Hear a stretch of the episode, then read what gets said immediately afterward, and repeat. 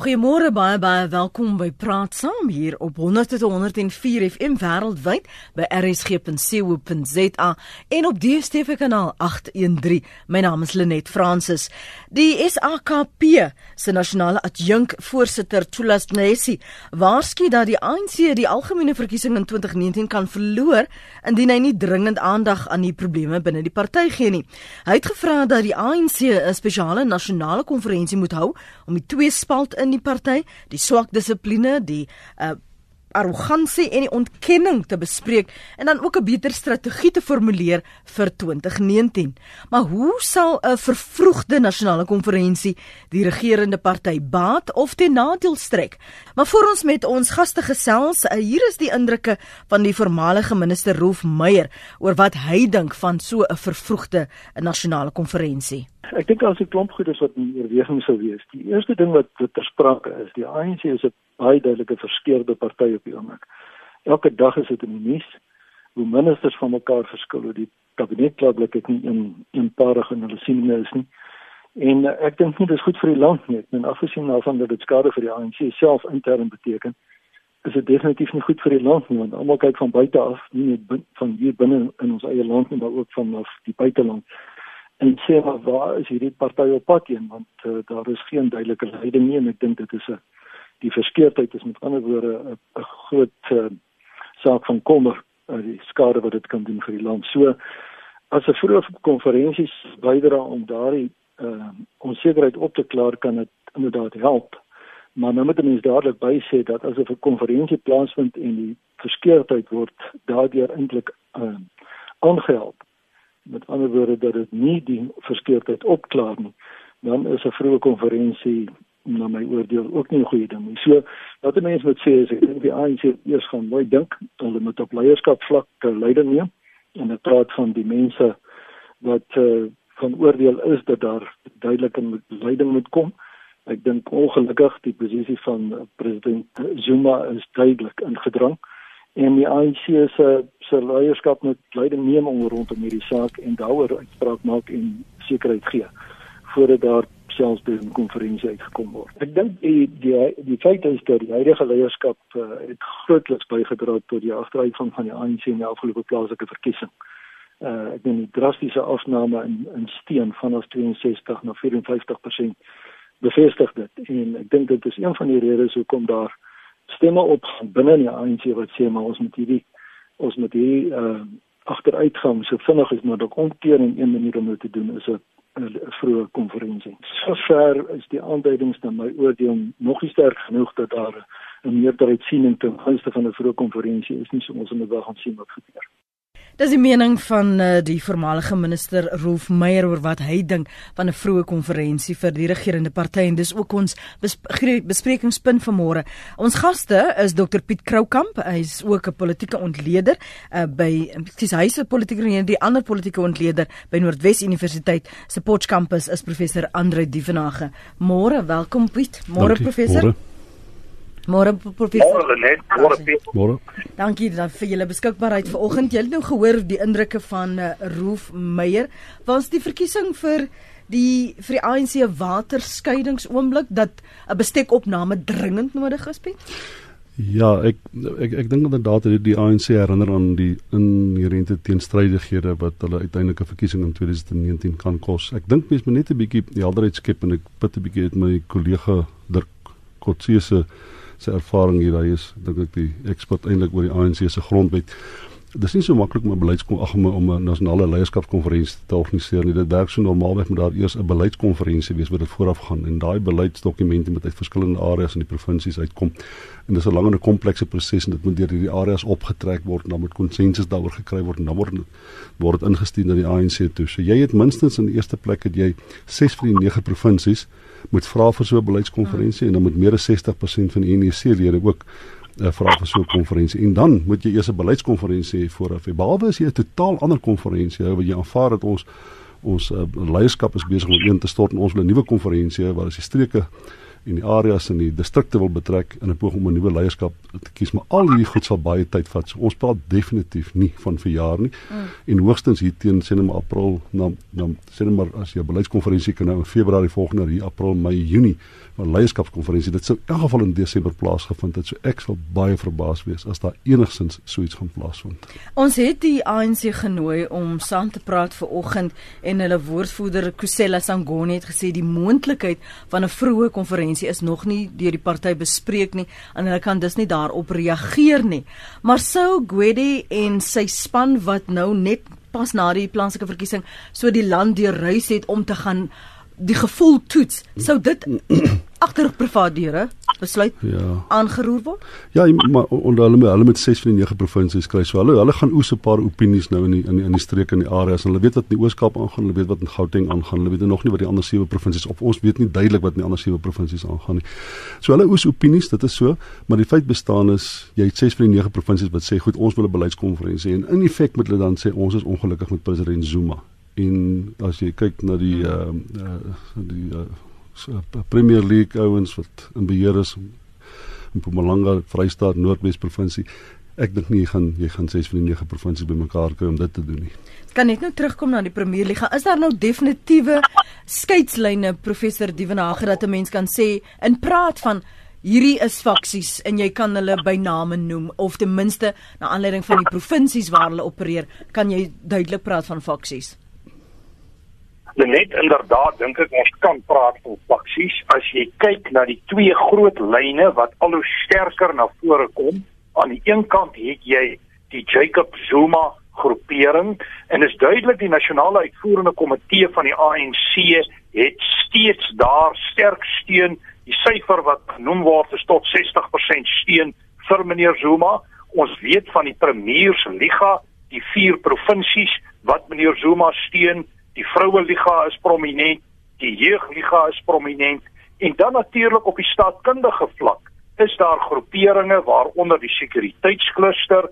Mens dink byvoorbeeld aan verskeie se leierskap in semi-staatsinstellings, selfs sy swak besigheidsomgewing is daar ondersteuning. Dis die een kant.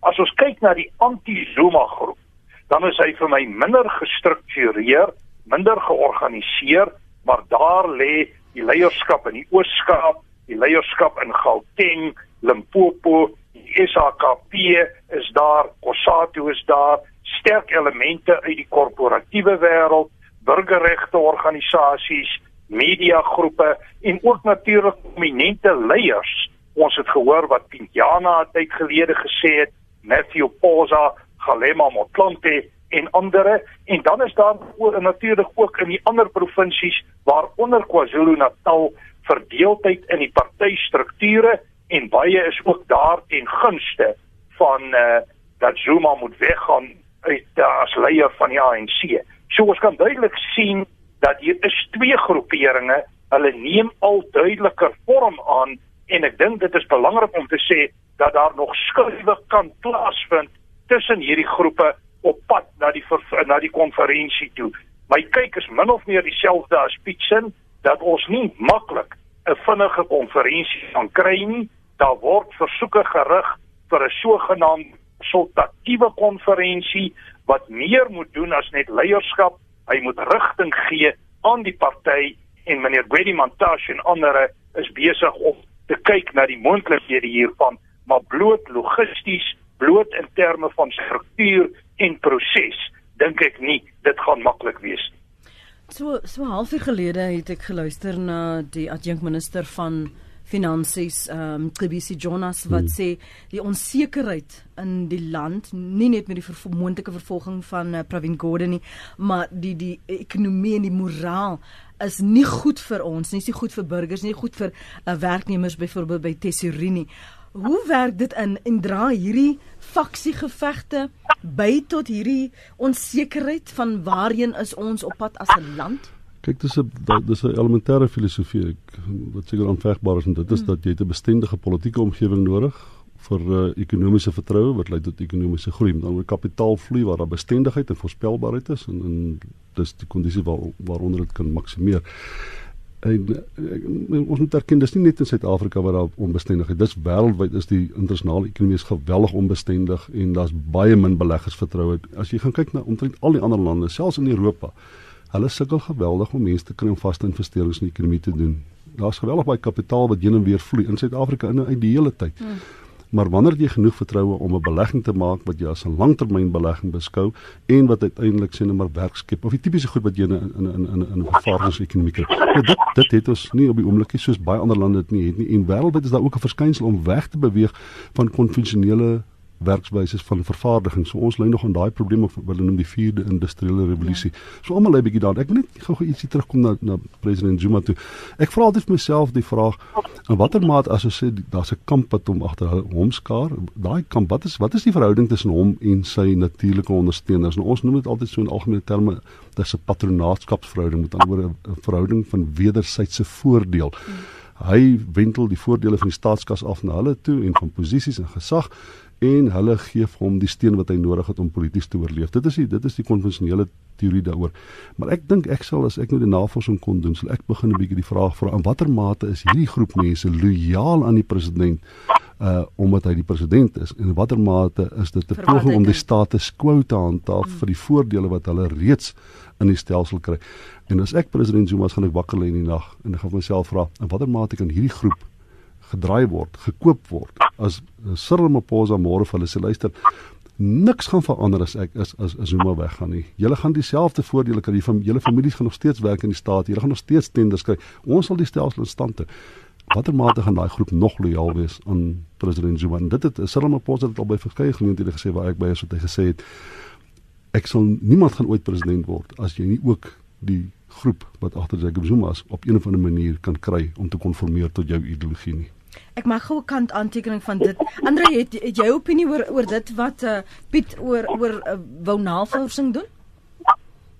Uh, ja, ek dink dit is 'n geldige vraag om te vra en ek dink die die grondliggende teoretiese vertrekpunt is altyd dat daar vir groepe voordele is in die bepaalde status quo in die huidige orde en dit is so as daar voordele op ander maniere gekontinueer sou kon word soos wat hy tereg noem, dan kan dit 'n risiko inhou vir die ondersteuningsbasis, die patronaatskapbasis wat meneer Zuma op die oomblik uh, ondersteun.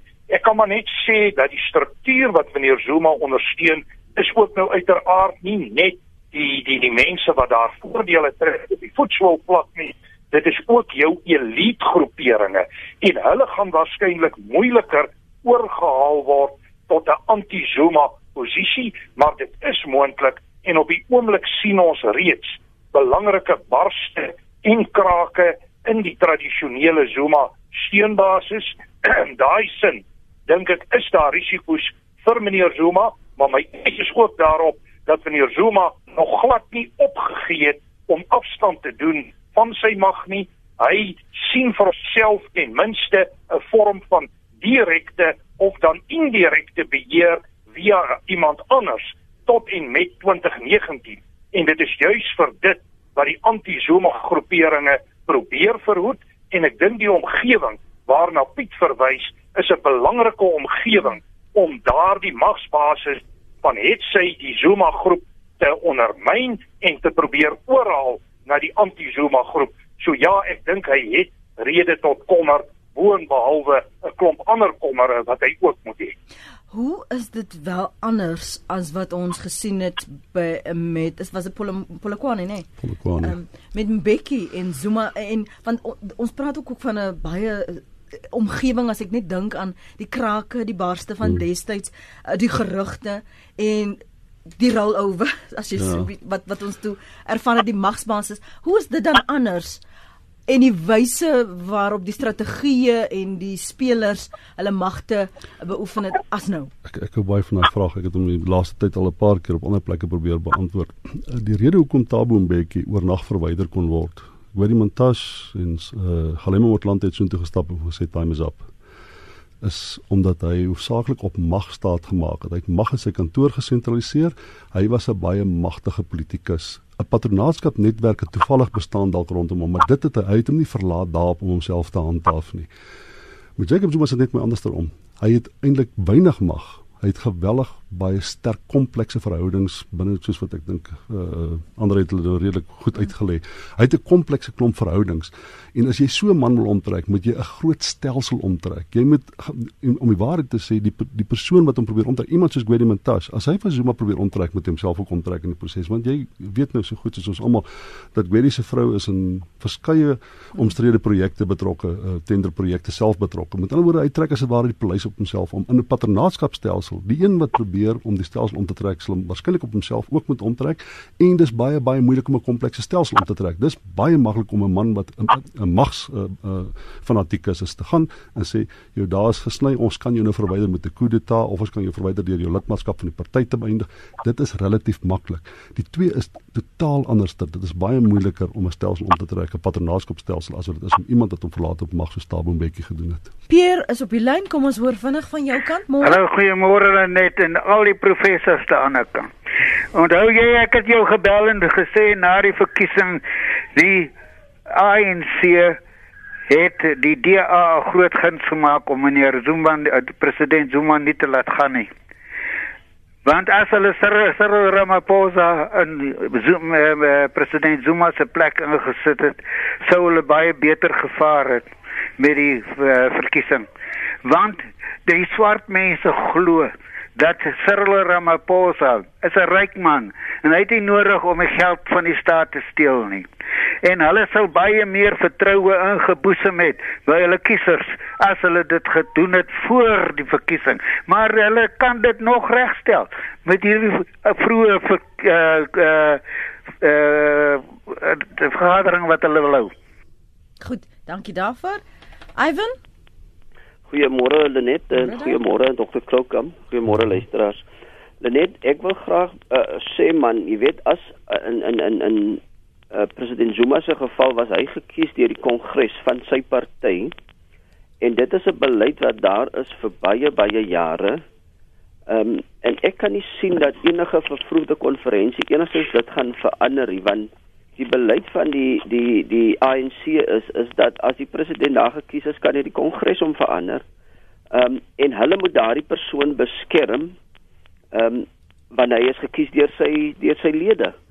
So uh, en dit gaan in elk geval nie nou help om 'n konferensie uh, te vervroeg nie want hy het net 2 jaar nog oor en daar's geen versekering dat dinge gaan verander nie. En dit is 'n feitelik net die ANC het 'n spe spesifieke rol wat hy moet speel want al is ons in transformasie net vir afgelope 20 jaar baie min dinge het nog verander vir die gewone mens op grondvlak.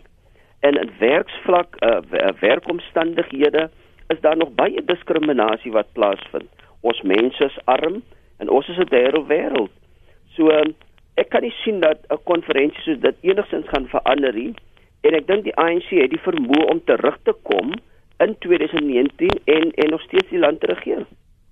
Goed, dankie daarvoor. Kom ons hoor wat sê die ander luisteraars uh, voordat professor Dievenage en uh, Kroukamp praat. Johannes, wat sê jy? Uh wat wat ek sê, ek dink dis uh, goed as uh die konferensie vroeg ge, ge, geroep word want uh, die twee groepe wat daar is nou, dit gaan niks help uh, om hulle te hou want uh, hulle objective om service delivery te doen hulle kan dit nie doen nie. Nou uh, hoe lank hou hulle daar so hulle sleep nou uh, hulle sleep nou hulle byle uh, te ernstig? Wat, wat wat my mening dit gaan hulle help want uh, as hulle nou te lank uh, hulle gaan nou die ver, verkiesing kan wen maar nou die mense wat uh, vir hulle stem dis nou die mense wat nou uh, la uh, income group persone my vermoed is dat as hulle dit vroeg kan uh, kan roep, dit gaan hulle help. Baie dankie net. Dankie vir jou kommentaar daar Johannes, waardeer die oproep. Renet as hy as die ANC konferensie hou van Jacob Zuma ontslaat raak, dink ek sal homself net verder ondermyn. Wat hy moet doen is hy moet 'n konferensie hou om homself te red want soos wat ek dink verskeie inbellers gesê dis heeltemal moontlik vir die ANC om die volgende verkiesing nasionale verkiesing met 63% te wen. Baie maklik. Al wat hulle moet doen is hulle met 'n mate van vertroue by die mense, hulle tradisionele steunbasis, met ander woorde die mense wat ja. geregistreerde ANC-lede is. Maar moet onthou ons moet versigtig wees om te praat oor 1 miljoen mense wat uh uh ingeskrewe lede is van die ANC. Daar's 11 miljoen mense wat vir die ANC stem. En daai mense moet vertroue kry in dit wat die ANC doen. So as die ANC iets doen net om vir Jacob Zuma ontslae te raak, al wat hy gaan doen is hy kan homself meer onbestendig maak. Wat hy nou moet doen is hy moet sê ons moet onsself bestendig maak, ons terugkeer na ons afhanklike waardes toe, ons moet 'n stelsel wat oop, want die die ANC was 'n geweldige demokratiese instelling. As jy mooi kyk na sy strukture van hoe leierskap verkies word, hoe beleidsdokumente opgestel word, dis 'n uiters demokratiese instelling. Ek dink wat die mense sê, die 11 miljoen mense wat vir die ANC normaalweg stem, wat hulle sê is ons wil terugkeer na daai stelsel te van deursigtigheid, van betrokkenheid, van streke en takke wat hy sê het van beleidsdokumente wat behoorlik opgetrek word, wat organies in die sa in, in, saamgestel is en wat uiteindelik reflekteer word in die wil en die in die wense van die leierskap. Kan ek gou net op daai punt vir jou vra voor ons na Andre toe gaan? Is dit net en gaan dit net oor Jacob Zuma want van hom almal verwys net asof hy die so, die vrotkol sou wees. Nee, ek dink daar's 'n bietjie van 'n openbare persepsie dat, mm. dat dat dat uh, die relatiewe armoede wat bestaan, die werkloosheid bestaan, die swak dienslewering toegeskryf kan word aan wat hulle korrupsie noem of dan die voordele wat afgewendel word net na 'n bepaalde groepie toe en dat die res van ons uitgesluit voel. En dis wat ongelukkig gebeur, soos wat armoede toeneem, soos wat daar lae vlakke van ekonomiese groei is, is daar toenemend mense wat voel maar hulle word uitgesluit van die ekonomie en uiteindelik ook uitgesluit van die politiek. En ek dink dis die, in hierdie verkiesing het ons altyd ek dink ons het 'n bietjie van 'n geskil gehad die ontleeders voor die tyd gesê maar dit sal 'n meer mededingende verkiesing wees as gevolg van die DA se se se uh, ideologiese verandering en die EFF se toetrede tot die verkiesing. Maar daar was altyd 'n ander komponent gewees wat ons gesê het wat van vervreemding van mm. mense wat begin uitgesluit voel van die politieke proses. En as jy die twee opweeg, dan het ons gedink ons sal uiteindelik sien watter die, die grootste invloed op die politiek en ons het nou gesien die ANC het dit by harde manier geleer. Vervreemding het 'n baie groter invloed as mededingende politiek. En dit is ook ek sê die ANC sal sy eie huis in orde moet kry en nie probeer om van Jacob Zuma ontslae te raak nie hy sal moet probeer en sê ons is 'n goeie party ten spyte van Jacob Zuma ten spyte van een of twee individue wat dalk swak leiers is. Andre Andries skryf hier op ons webblad die leierskap is in so 'n warboel dat dit nie gaan saak maak of dit vroeg of later is nie. So ook uh, die um, idee wat 'n mens kry na aanleiding van Peer, Ivan en Johannes se oproepe speel tyd wel 'n rol? Wel, uh, tyd speel ongetwyfeld 'n rol in terme van die taktieke en die strategieë wat die mededingende groepe ontplooi, maar ek dink ons het daai vraag tot 'n sekere mate beantwoord. Dit gaan baie moeilik wees om 'n uh, verkiesing te hou uh, baie vinnig op 'n kort kennisgewing omdat daar so groot getal prosesse in plek gestel moet word.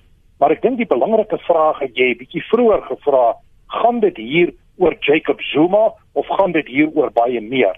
Nou dis duidelik Jacob Zuma is 'n probleem en Jacob Zuma kos die ANC steun op talle vlakke en in terme van hulle beeld. Maar ek is bereid om te sê die probleem gaan baie verder as bloot net Jacob Zuma. As ons kyk die hele politieke omgewing op die oomblik is baie onstabiel. Hmm. Ons sien krisisse binne die ANC as regering ten opsigte van beleid, beleidstoepassing. Ons het gesien wat het gebeur met die steunbasisse van die party. Maar ook 'n identiteitskris tot watter mate is die ANC party en tot watter mate probeer hy steeds 'n bevrydingsbeweging te wees. Daar's 'n krisis tussen hierdie twee sake. Die verhouding met vennote en hier raak dit veral die politieke ekonomie en Piet het verwys na die ekonomiese uitdagings. So hier's 'n klomp goed wat in die spel is. Maar ek dink Peer is verkeerd as hy sê as ons Jacob Zuma sou verwyder kort voor die plaaslike verkiesing direk na die uitspraak van die konstitusionele hof oor, oor Nkandla. Dink ek dis baie duidelik die ANC sou erg verdeel in so 'n verkiesing ingegaan het en hulle sou waarskynlik meer steun verloor het.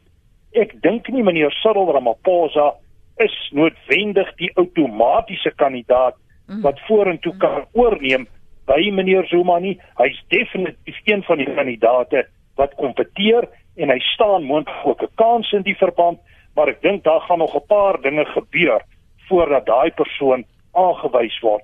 Maar die kort en die lank is, meneer Jacob Zuma is 'n probleem, maar die probleem gaan verder as dit. Ons hoor al die uitsprake van senior mense binne die ANC dat daar weer eh, 'n uh, groot konferensie, 'n konsultatiewe konferensie soos die Morogoro konferensie in die laat 60er jare gehou moet word om nuwe rigting te gee aan die ANC om die party op 'n nuwe traject te plaas. So Zuma is 'n probleem, maar die probleem strek verder as net dit. Maar selfs sou alsou jy hom verwyder en ek sit maar verwyder ook in aanhalingstekens. Ehm um, in die verlede was daar hierdie spekulasie oor wie hom dan sou vervang en ek dink ons het juis julle twee wat laas ook nog gesê dis bietjie moeilik want daar is nie werklik iemand wat definitief kan instap en sê wel hierdie is die gunsteling vir almal nie. En ek het 'n Twitter rukkie gelede gesien wat sê oh, we don't love Cyril that much anymore.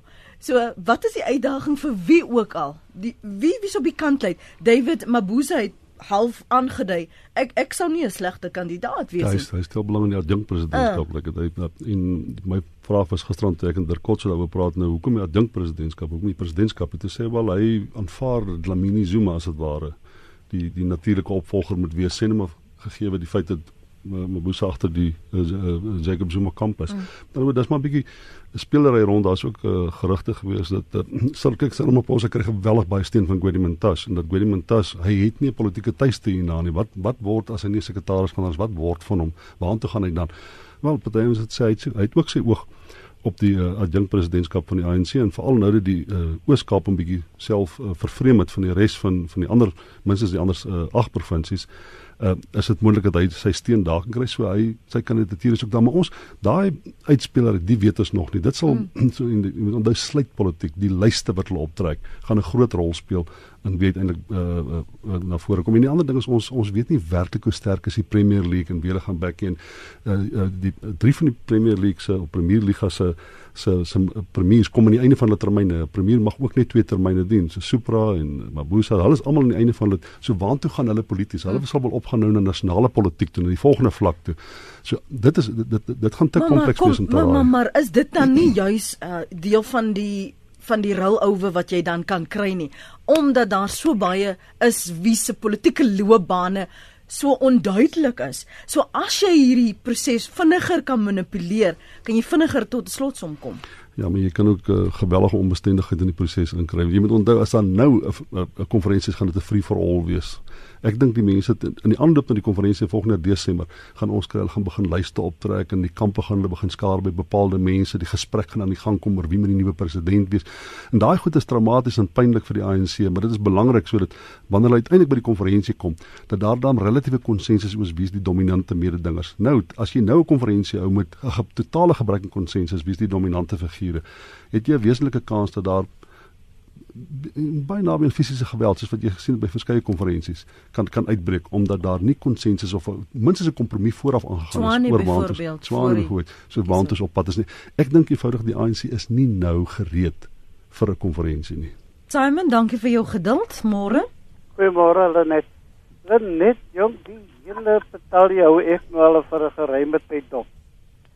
Ek dink wat ons nodig het in hierdie land is grootmoedigheid En nou gaan ek nou 'n suksesiese woord gebruik in terme van staatsmanskap of staatsvrouskap dan vir dit ook aan. Hoekom klou die regering so aan hierdie mag? Kyk, daar is daar's 'n verskil tussen mag en gesag. Mhm. Mm en die regering maak staat op mag, nie gesag nie mense sou kon sê in terme van die Bybel as die mense verkies en dis weer maar alle aanbiedings is daar. Ek ek volg die koerant ek volg die nuusberigte alles. Die grootmoedigheid lê by ons regering om te sê kyk ons het nou diep in bereik. Ons bedank as regering. We have failed the people of South Africa. En dat die Suid-Afrikaanse Raad van Kerke dan vir 'n interim inkom en laat ons dan 'n verkiesing het weer keer om ons erkende leiers daar te stel. Uh, ek gaan jou eerlikwaar sê dat ek was 'n baie sterk ANC mens. Ek het die afgelope verkiesing nie geweet waar om te stem nie. Ek weet tot vandag toe nie waar om te stem nie. Die regering het my en ons het baie opgeoffer. Gefaal en nou gouer hulle maar pad gee hoe beter. Hm. Dankie vir jou kommentaar. Daarso Simon. Simon soek 'n David Cameron oomblik aanry. Ja, ek eh, ek dink nie politiek werk heeltemal so. Ek hou van sy onderskeiding tussen mag en gesag. Hmm. Eintlik kan 'n mens maar sê gesag is legitieme mag en dit is so dat die huidige regering het op die oomblik 'n probleem ten opsigte van legitieme mag, hoewel mens ook die argument kon voer dat hulle alle verkiesings redelik gemaklik gewen het sedert 1994. Maar die kort en die lank is politici doen nie vrywillig net afstand van mag nie, veral nie in 'n omgewing soos Piet vroeër aangedui het waar hierdie patronaatskap verhoudings baie sterk gedefinieer is nie. Ek dink wat ons gesien het in Brittanje is ook 'n effense uitsondering op die reël. Normaalweg na van die premiers afgetree het, het hulle nog vir 'n paar jaar aangebly, dit wil selfs as agterbankers. Maar ek dink nie ons moet daai tipe moment verwag binne die Suid-Afrikaanse politiek nie. My indruk is veel eerder die omgekeerde en dit is dat meneer Zuma en sy volgelinge letterlik tot die bitter einde gaan probeer kyk of hulle mag kan behou en sy ideaal is om daardie mag te behou tot sover as 2019 en dien moontlik indien dit nie kan nie wil hy iemand in posisie kry waarskynlik iemand soos Nkosi Dlamini Zuma om dan amper op 'n Putin wyse van die mag afstand te doen maar dit op die agtergrond te probeer bestuur en te probeer beheer. So ek dink nie ons gaan daardie moment sien waar iemand vrywillig gaan uittreë nie. Ek dink op daai manier was en ek dink Piet het dit ook verduidelik vroeër was die uittrede van Thabo Mbeki 'n effense uitsondering op die breë reël wat ons normaalweg binne veral die Afrika konteks maar ook binne ander kontekste sien. Hmm. De Wet, dankie vir die bel. Môre. Goeiemôre. Môre ook aan jou gaste Lenet. Ek eh, dis 'n baie sensitiewe vraag, maar ek wil graag by Pieter hoor hoe moontlik is 'n paleis revolusie? Jy weet dinge gaan nou uh, na 'n punt toe en een van die ouens wat nou vir homself kan sê, "Hoor ek het niemand nodig nie, ek het genoeg geld. Ek is bereid om my kop uit te steek en ek gryp 'n klomp ouens en ons sê vir daai ou Nou ja, jy het opgehou regeer. Hoe moontlik is dit? Baie dankie Lenet. Dankie David. daarmee saam wie trek die toutjies hierso in hierdie spel veral as uh, Andre sê ons ons praat daar is definitiewe faksies kampe met 'n uh, geval soos Provin Gordon wie baat die meeste dan van daai tussen daai twee kampe met 'n geval met met met uh, Provin Gordon wat uh, wat 'n bepaalde punt maak vir effektiewe mm. regering wie die ding is ek ek dink uh, vroeër het ons oor gesels oor wie is hierdie twee kampe en dit mm. dit is duidelik baie baie verdeel maar ek dink daar's een kamp wat mense in breë terme wat ons nie altyd die krediet gee wat ons moet doen. Dit is die burgerlike samelewing. Die feit dat daar onbestendigheid binne die ANC is oor die wyse waarop geregeer word, het alles te doen met die feit dat net 53% van die mense hierdie keer vir die ANC gestem en 'n paar miljoen het nie weer vir die ANC gestem. Met ander woorde, die kiesers het op 'n bepaalde manier gedra wat determineer wat politieke partye met die regering gaan doen. As dit nie was vir die 53% uh, uh die daling in die ANC se steun kan ek net sê dat Pravin Gordhan nie met dieselfde selfvertroue opgetree nie. Hy tree juis op omdat hy dink daar's 'n groot deel van die burgerlike samelewing, selfs die wat ook vir die ANC in die verkiesing gestem het, wat dink ons moet beter en meer effektief geregeer word. So ek ek ek dink as 'n mens in so 'n komplekse stelsel soos hierdie, daar's nie een of twee mense wat die touwtjies trek nie. Daar dit is dit is dis 'n geweldige moeilike klomp gesagsverhoudings wat gehandhaaf word en partykeer is daar bepaalde voordele vir die een kamp en dan is daar mm. voordele vir die ander. Mens kan nie jou vinger daarop lê wie is die mense wat die tou werklik trek en niemand het genoeg gesag en ek dink dis die een van die dinge hoekom ons nou in Suid-Afrika in 'n fase is waar ons het geen leierskap nie. Niemand, nie Zuma nie, nie Pravin Gordhan nie, niemand, nie die ANC nie, Gwedi Mantashe nie, die Kommunistiese Party nie, die Jeugliga nie, die Vroueliga nie. Niemand het genoeg gesag om werklik die res van die groep in 'n bepaalde rigting in te druk nie. Mm. Wat wat waarom dalk die geval was destyds met Mbeki. Letuli is Letuli het ja, genoeg gesag gehad om te doen destyds. Anton het gevra dat ons net weer daarna moet verwys uh, hier op ons SMS lyn. 'n Paleisrevolusie is die wetse vrae sensitief sê hy, maar die moontlikheid daarvan professor Devenage? Lenet, dit is redelik onwaarskynlik uh vir 'n paleisrevolusie en ek dink 'n mens moet 'n paleisrevolusie op hierdie stadium baie na sien aan 'n tipe van 'n staatsgreep waar senior rolspelers eintlik vir die huidige regering sê tot hiertoe en nie verder nie. Ek sien dit as onwaarskynlik en ek gaan dit so motiveer die steunbasisse van die Zuma regering is nog te sterk en te stewig in sekere omgewings. Hier dink ons veral aan die sekuriteitskluster. Die sekuriteitskluster is baie na aan meneer Zuma en in 'n paleisrevolusie sou plaasvind, sou hulle 'n baie belangrike en baie kritieke rol moet vervul. Ek dink die die breë aanname dat hier geen enkele groep is wat sterk genoeg is om so 'n oorneem te kan maak nie, is basies korrek. Ek sien nie dat ons maklik in hierdie proses vorentoe kan beweeg nie. Ook die standpunt wat vroeër gestel is dat uh, ons 'n konferensie nie nou kan hou nie. Ek dink nie die ANC is op enige manier gereed vir 'n korttermyn konferensie nie. Dit kan groter chaos veroorsaak. My kyk op die oomblik is dat ons voorland kan in hierdie omgewing sonder leierskap, sonder 'n goed gedefinieerde rigting eintlik maar patrone van onstabiliteit, patrone van chaos wees. Dit mag voorbring 'n vorm van praetoriaanse politiek waar iemand sê nou die proses te ver gegaan nou moet ons orde kry maar op die oomblik lees ek dit nie sterk in die weer nie ek sien dat die proses min of meer sal aangaan op sy huidige lyne en dat wanneer die konferensie van die ANC plaasvind dit 'n beslissende slag gaan wees in terme van die pad vorentoe. Ek weet van een ding op 'n ander ding van dit sê is ons net versigtig wees want uh, ek het 'n bietjie toegang tot die vervolgingsgesag en ek het al bietjie werk gedoen by die uh, intelligensie en sulke goed. Hulle is ook verdeel. Dis nie asof in die die die sekuriteitskluster soos uh, ander sê noodwendig homogeen agter die president is nie. Hulle sit met leie verdelings aan die binnekant. Ek, ek, ek kan sal my hoed opeet as die aan die nasionale vervolgingsgesag die meerderheid mense daar nie anti Zuma of minstens aan die kampus wat sê nee ons moet ons werk onafhanklik doen nie. Kom ons stel dit liewer so. Met ander woorde die die sekuriteitskluster is ook verdeel, net soos wat KwaZulu-Natal as 'n provinsie, dit word nie ons moet nie noodwendig sê dit's geskaar agter president Zuma nie. Hy is baie mooi in die middel omtrent verdeel. Soos wat baie, dit is die probleem. Daar's nie 'n enkele organisasie wat enige van die sê net maar daar's twee kampe wat kan sê oké, okay, daardie organisasie is noodwendig agter my nie. Want net omdat die minister van staatsveiligheid agter die president is, beteken dit nie sy totale instelling is noodwendig agter die president nie. Ons dieselfde met uh, die vervolgingsgesag. Hmm. Um Jan en is nog op die lyn en dan nog ook Andy wat wil saamgesels. Jan, jou beurt. Uh, goeie goeiemôre. Ek wil graag net die vraag aan die twee here stel. Uh jy weet uh, meneer Zuma het lank gevat voordat hy die plaaslike verkiesing of die munisipale verkiesing aangekondig het. En toe hom aankondig het, is almal weer as die 3 Augustus.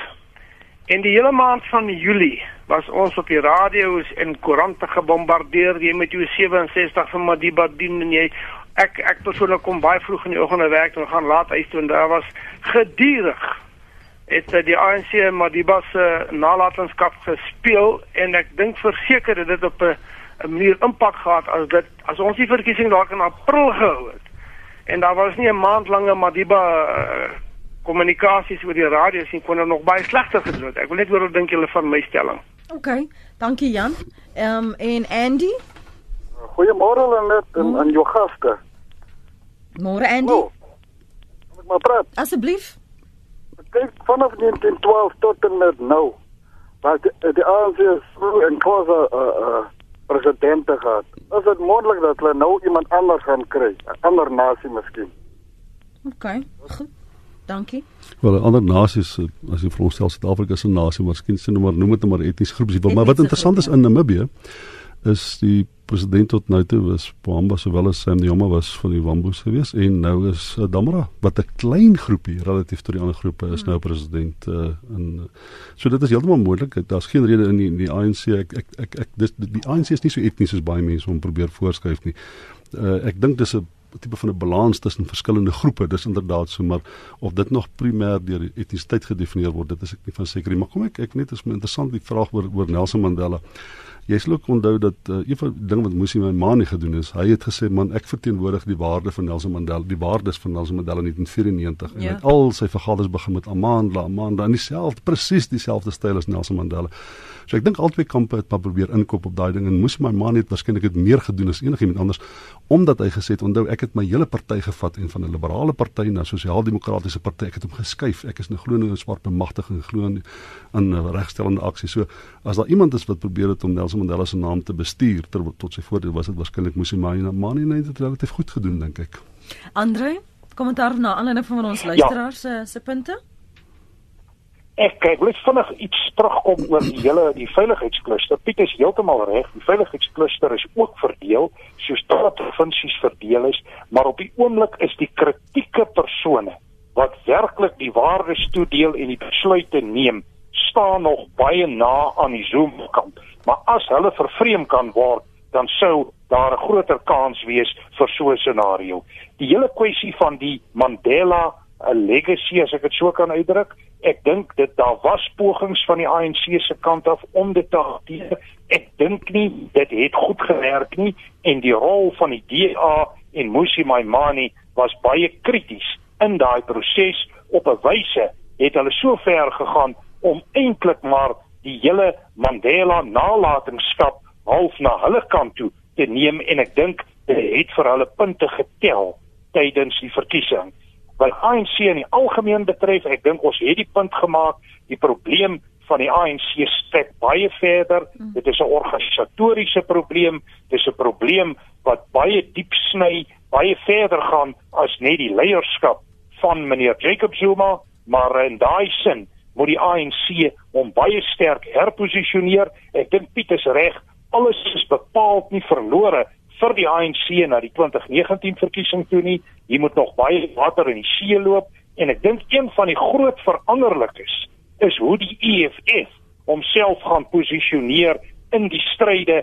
wat vorentoe gaan uitspeel. My kyk op die EFF is dat hulle nie soveel anti-ANC is as wat hulle anti-Zuma is nie en sou hulle deur 'n nuwe leierskap nader getrek kon word, kan ons eintlik maar weer amper 'n kontinuering van die ou bedeling in terme van steenvlakke sien. So hier's 'n klomp veranderlikes wat kan speel. Ek dink hier moet 'n paar dinge nog gebeur hmm. voordat ons duidelike rigting op die 2019 verkiesing gaan kry.